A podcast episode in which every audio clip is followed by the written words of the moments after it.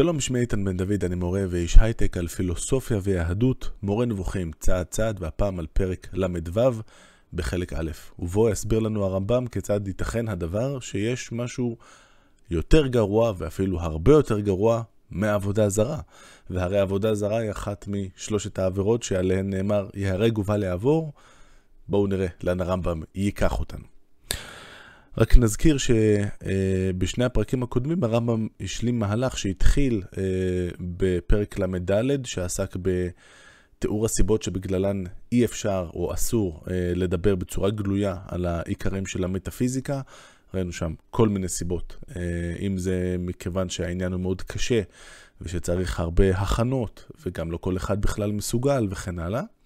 בפרק ל"ה הרמב"ם אמר, רגע, שלא תחשבו שאי אפשר לדבר על כלום, כן? יש כן שני דברים שעליהם יש לדבר עם ההמון, עם כולם, אה, גם, ה, גם עם הבורים, הנשים, הילדים.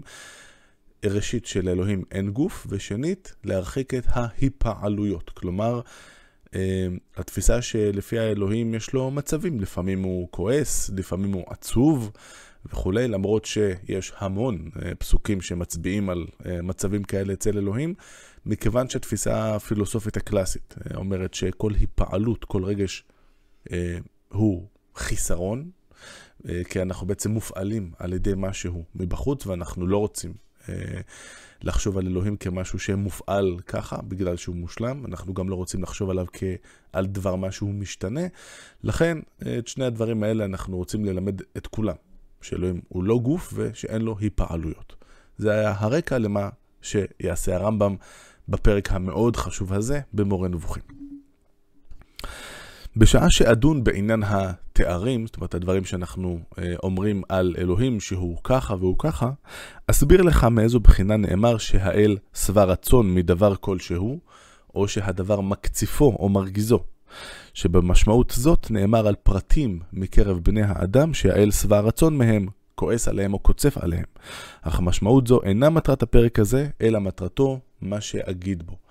כלומר, אם יש, אם ניקח את התפילה, בתפילה יש הרבה ביטויים של זה שאלוהים רצה בנו, בחר בנו וכולי, אנחנו לא מתעסקים לעומק בזה עכשיו, לא נטעה.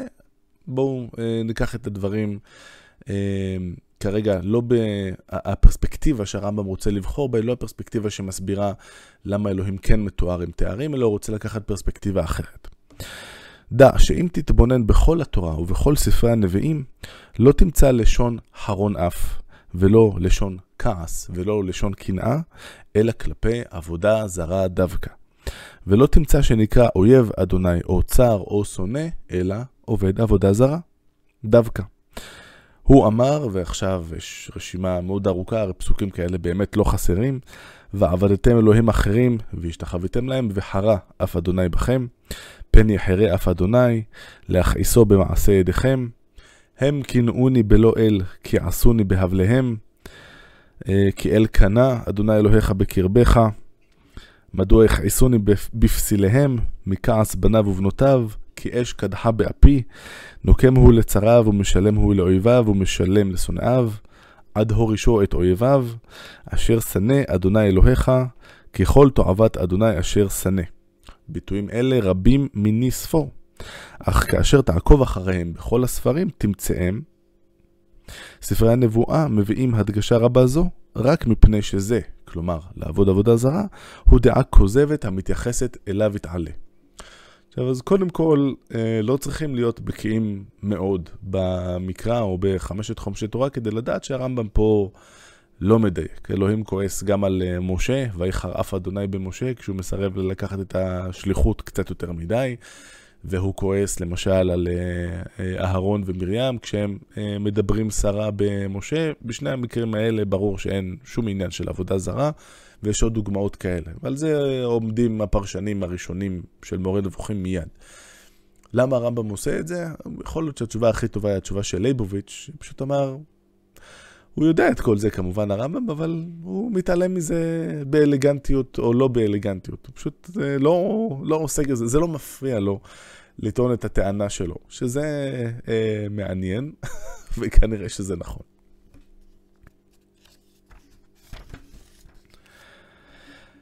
כעת יעסוק אה, הרמב"ם בכמה דרגות של תפיסות שגויות. דרגה אה, אה, של תפיסה שגויה שהיא לא מאוד חמורה, ואחרי הדרגה יותר חמורה וכן הלאה.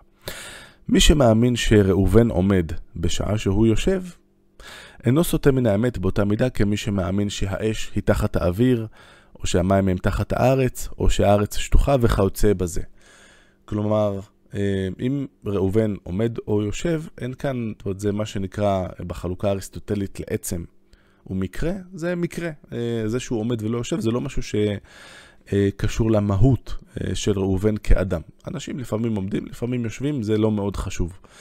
אבל מי שלא מכיר את הסידור של ארבעת היסודות, שיש את היסוד האפר או האדמה שהוא שואף להיות הכי למטה, זה המקום הטבעי שלו, מעליו המים, אה, מעל המים יש את האוויר ומעליהם האש. מי שחושב שהסדר הוא אחרת, זאת אומרת, זה לא שהאש מעל האוויר, אלא שהאוויר הוא מעל האש, זו טעות יותר חמורה, אה, כי היא מתעלמת מהיחסים שבין דברים, זאת אומרת, זה, זה, זה לא מקרה, זה משהו קצת יותר עקרוני, כי האש, למשל, כל אחד יודע שהיא אמורה להיות תמיד מעל האוויר. סטייה שנייה זו, מן האמת, אינה כסטיית מי שמאמין כי השמש היא מן האש, או שהגלגל הוא חצי כדור וכיוצא בזה. אמ, כל אחד יודע גם שארבעת היסודות תקפים רק, אך ורק אה, לכדור הארץ, לכל מה שנמצא מתחת לגלגל הירח. הגלגלים, נזכיר, לפי המודל אה, של אה, תלמי ושל אריסטו, יש את הארץ באמצע והיא מוקפת כמו קליפות של בצל בכדורים. ובחלק מהכדורים האלה משובצים כוכבים, והתנועה הסיבובית של אותם כדורים מסבירה את התנועה של גרמי השמיים. אז מי שחושב שהכדור הוא רק חצ... שהגלגל הוא רק חצי כדור, ושהארץ אה, שטוחה, וצריך לומר ביושר שיש אמירות כאלה של חז"ל, זו טעות אה, ברמה יותר עקרונית, כי זה כבר לא עניין של לא להבין נכון את היחסים בין שני דברים, אלא לא להבין נכון את המהות של הכדור או של כדור, או של כדור הארץ. סטייה שלישית זו מן האמת אינה כסטיית מי שמאמין שהמלאכים אוכלים ושותים וכיוצא בזה. אה, הרמב"ם כאן אה, עדיין לא ממש הסביר לנו מהם מלאכים, אבל אה, די ברור מההסברים שהוא ייתן שהמלאכים אינם יצורים גשמיים. ולכן לא להבין שהם לא יכולים לאכול או לשתות, זה כבר אה, אה, בעיה או סטייה מן האמת שהיא קצת, שהיא ברמה יותר חמורה. כנראה בגלל שההבנה שאמורה להיות לנו, שהם אה, נטולי חומר ושהם אה, בעצם עשויים מדבר אחר לגמרי, אה, זאת דרגת הבנה, או זה מושא חשיבה שהוא יותר חשוב מהדברים הקודמים שאמרנו. וסטייה רביעית זו מן האמת אינה כסטיית מי שמאמין שיש חובה לעבוד דבר זולת האל. כלומר שצריך לעבוד עוד משהו חוץ מהאל האחד שאנחנו אמורים לכוון אליו. כי ככל שהבורות והכפירה מתייחסות אל דבר גדול, כוונתי אל מי שיש לו דרגה איתנה במציאות, הן גדולות יותר מאשר בהתייחסן אל מי שיש לו דרגה נמוכה יותר. ואני מזכיר את הפתיחה של משנה תורה, שכבר uh, קראנו אותה יותר מפעם אחת, uh, והרמב"ם מנסח שם את הדברים שדרגת האמיתיות או האמיתות של האל היא יותר גדולה מכל שאר הדברים. כל שאר הדברים תלויים באלוהים, אלוהים לא תלוי uh, באף אחד. אמ, ויש שם כמה פסוקים אה, שהוא מביא שמחזקים את הטענה שלו שאלוהים לבדו הוא מה שקיים במציאות אמת. ולכן טעות שנוגעת לאלוהים, או למה צריך לעבוד, זאת הטעות החמורה ביותר. בכפירה אני מתכוון לאמונה שדבר הוא שונה ממה שהוא, ממה שהוא באמת. בבורות אני מתכוון לאי ידיעת דבר אשר אפשר לדעת אותו. בורותו של מי שאינו יודע את מידת החרוט של גליל, כלומר, מה הנפח של חרוט שאנחנו אה, מגיעים אליו מתוך זה שלקחנו בהתחלה גליל ואז הורדנו את החלקים המיותרים, למי שככה מצטמרר מהנאה מלימודי המתמטיקה שלו אה, בתיכון, אה, דש. או שאינו יודע שהשמש כדורית אינה כבורותו של מי שאינו יודע אם האלוה נמצא, או שמא אין לעולם אלוה. כי הרי מציאותו של אלוהים, כמו שיראה לנו הרמב"ם בפתיחת החלק השני של מורה נבוכים, היא דבר מוכח במסגרת החשיבה האריסטוטלית. ולא כפירתו של מי שסובר שחרוט הגליל חציו, כלומר הנפח של חרוט שהגענו אליו מתוך, מגליל, מי שחושב שזה חצי זו שגיאה, ואני אשאיר לכם כשיעורי בית לבדוק כמה זה בדיוק יוצא. או שהשמש היא עיגול, והכוונה היא לעיגול שטוח, להבדיל מכדור. אז לא כפירתו של מי שסובר את הדברים האלה, כי כפירתו של מי שסובר שהאלוה היותר מאחד. ואתה יודע, וכאן יש תובנה מאוד עמוקה לגבי מהי עבודה זרה אצל, אצל הרמב"ם בתפיסה שלו, ואתה יודע שהעובד עבודה זרה אינו עובד אותה בהנחה שאין אלוה זולתה.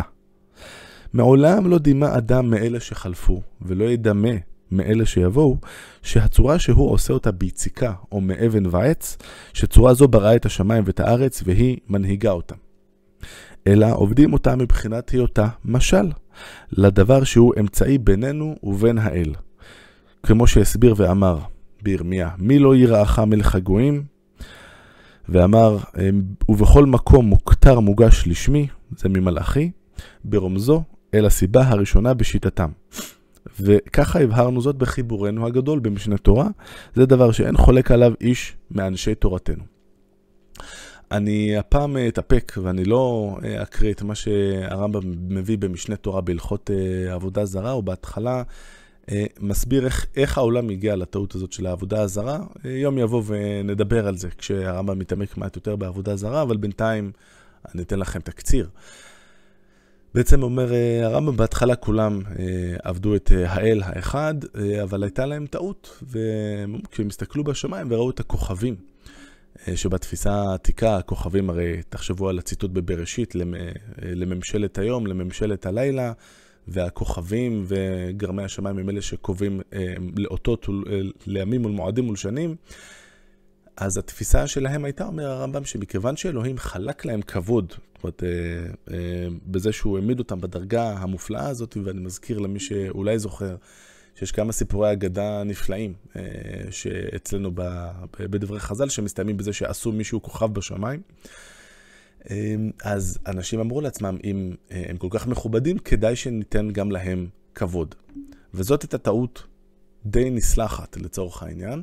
הבעיה הייתה שעם הזמן באו אנשים שהיו נביאי שקר וטענו שהכוכב המסוים דיבר איתם ואמר תעשו X, תעשו Y, והתפתחה בעצם אה, עבודה לה, לאותו כוכב, כדי לשאוב ממנו אה, כוחות, אנרגיה, שפע, תבחרו את המושג שתרצו כאן, במקום להתפלל אך ורק למה שצריך להתפלל אליו, לאלוהים.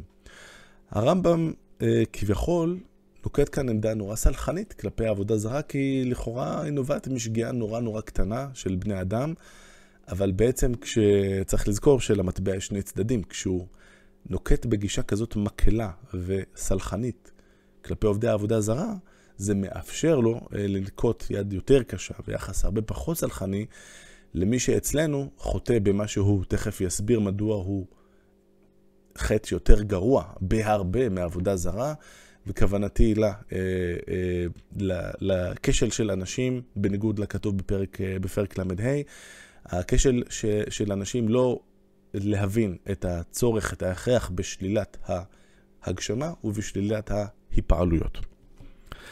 אולם אותם כופרים חייבים מיתה, אף על פי שהם מאמינים במציאות האלוה, שכן כפירתם מתייחסת לזכות המגיעה לא בהתעלה בלבד, דהיינו העבודה וההערצה.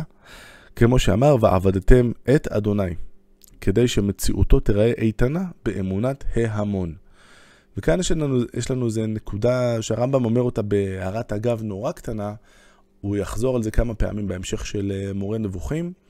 המטרה, או אחת המטרות של חלק מהמצוות, בעצם נועדה להשל... להשריש איזושהי אמונה בתודעה של ההמון.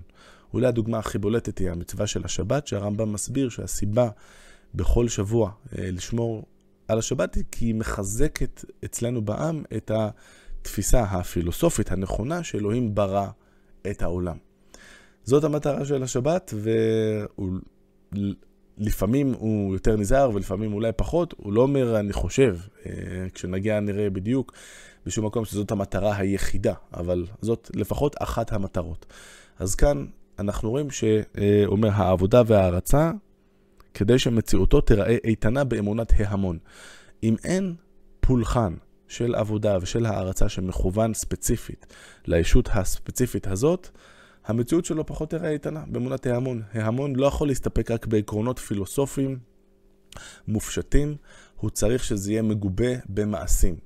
הרמב"ם, ועוד נגיע לזה, בעצם אה, אה, רואה בדבר הזה את ההבדל בין השיטה של אברהם לשיטה של משה. עוד נדבר על זה במקום הראוי לו, אבל בגדול, אברהם, אה, לפי הרמב"ם, עשה נפשות לאלוהים, אבל הוא לא, זאת מעבר לבני ביתו שהוא מל אותם, אנחנו לא מכירים במקרה שהוא פנה לאנשים והסביר להם או חייב אותם לעשות XYZ.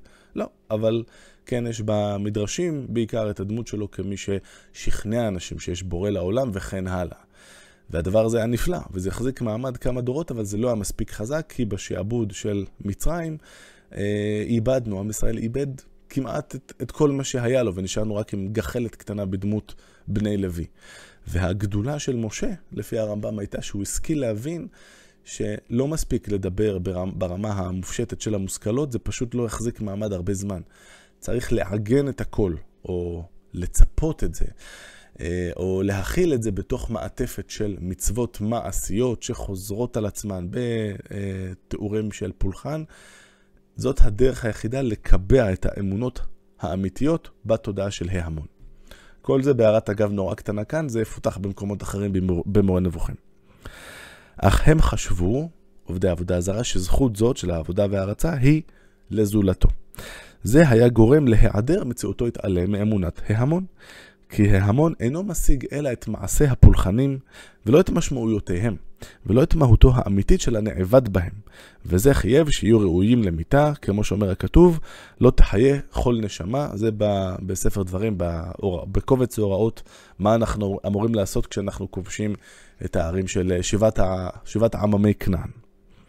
והוא הבהיר את הטעם, והוא לסלק את הדעה הכוזבת כדי שלא יתקלקלו בגללה האחרים, כמו שאמר, למען אשר לא ילמדו אתכם לעשות ככל תועבותם אשר עשו לאלוהיהם, וחטאתם לאדוני אלוהיכם. הוא כינה אותם אויבים ושונאים וצרים, ואמר שהעושה זאת מקנא ומכעיס ומעלה חמא.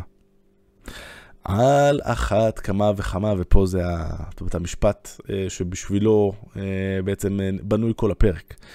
על אחת כמה וכמה מי שכפירתו מתייחסת לעצמותו יתעלה, והמאמין לגביו שלא כפי שהוא.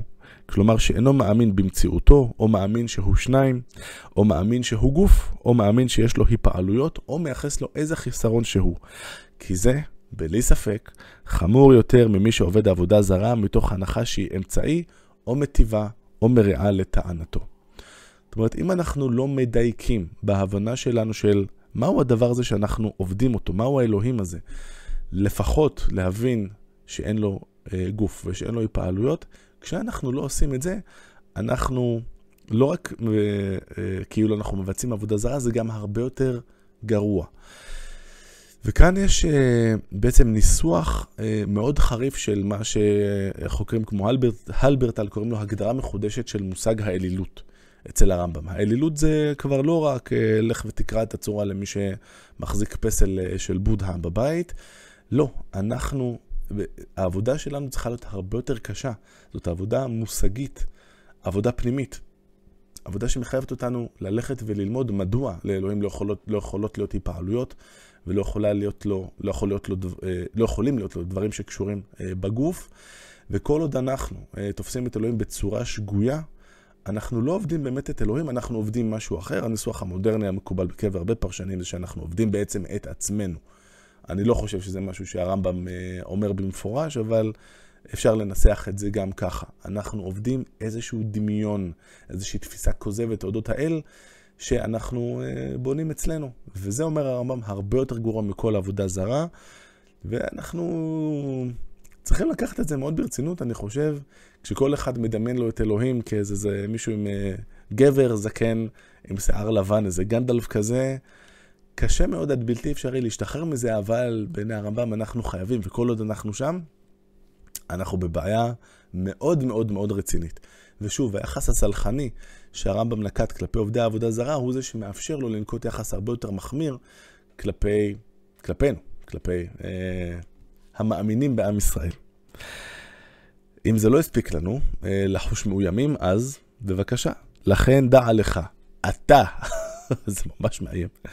שכאשר אתה מאמין בהגשמה, או במצב ממצבי הגוף, הרי אתה מקנא, ומכעיס, וקודח אש, ומעלה חמה, ושונא, ואויב, וצר, חמור בהרבה מעובד עבודה זרה. ואם חשבנו שיהיו לנו תירוצים, אין לנו. אם עלה בדעתך שלמאמין בהגשמה יש צידוק, מכיוון שחונך עליה, או בשל בורותו וקוצר השגתו, יהיה לך לחשוב אותו דבר לגבי עובד עבודה זרה, שהרי אינו עובד אלא... שהרי אינו עובד אלא בגלל בורות או בגלל חינוך, מנהג אבותיהם בידיהם. הרי זאת הסיבה שאנשים עובדים עבודה זרה, כי הם גדלו לתוך זה. אז זה לא יכול להיות, מכיוון שאנחנו עדיין אה, מצווים לכסח להם את הצורה, זה לא יכול להיות תירוץ לזה שאנשים מישראל כן מאמינים בדברים כאלה.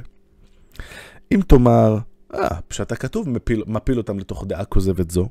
דע לך איפה, כי רק דמיונות ותפיסות לקויות גרמו לעובד העבודה זרה לעבוד אותה. לכן אין צידוק, ואני מוסיף אין שום תירוץ, למי שאינו מקבל מבעלי האמת, בעלי העיון, אם אין הוא מסוגל לעיון. זאת אומרת, אם אתה לא בן אדם שמסוגל לעקוב אחרי ההוכחות הלוגיות של אריסטו ללמה לא יכולות להיפעלות וזה, לפחות תקבל את זה במסורת, מאנשים שאמרו לך את זה, תגיד כן, זה המצב, תודה רבה, זהו. כי איני רואה כופר במי שאינו מוכיח הוכחה מופתית, הוכחה לוגית מסודרת את שלילת הגשמות, לא כל אחד מסוגל לזה, אבל אני רואה כופר במי שאינו מאמין בשלילתה. מה גם שמצוי הפירוש של אונקלוס והפירוש של יונתן בן עוזיאל, עליהם השלום, ראינו את זה, המתרגמים לארמית, שהרמב"ם אה, מהלל את uh, העקביות שלהם בהרחקת הגשמיות מן האל, המרחיקים את ההגשמה באופן מרבי. זאת הייתה מטרת הפרק. אז אם נסכם, זה אחד הפרקים הבאמת יותר חשובים במורה נבוכים. אנחנו מבינים שלעבוד עבודה זרה זה כמובן רע, אבל כשאנחנו אה, נכשלים בלהרחיק את הדברים שאנחנו אמורים להרחיק, כמו התפיסה של אלוהים יש גוף או היפעלויות, אנחנו לא רק מגיעים לדרגה, מידרדרים לדרגה של עובדי עבודה זרה, אלא זה הרבה יותר גרוע. הגדרה מחודשת של האלילות כבר אמרנו, הרמב"ם בעצם מציב לנו כאן רף מאוד מאוד קשה אה, לעמוד בו. זה רף שאמור להיות מכוון כנגד כל אחד ואחד מישראל. אה, רבותיי, לא דבר אה, של מה בכך.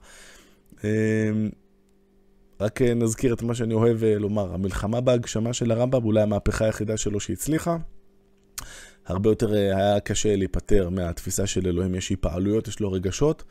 וזה באמת נורא קשה. אה, אנחנו עוד, אה, עוד נראה כשנגיע לפרקים שיעסקו בזה, איך הרמב"ם מתמודד למשל עם האמירות בתפילה, אה, שבתפילה זה, אי אפשר להפוך עמוד בסידור בלי שיהיה איזה שניים, שלושה, ארבעה תיאורים בריאים כאלה של רגשות שאלוהים נתון בהם.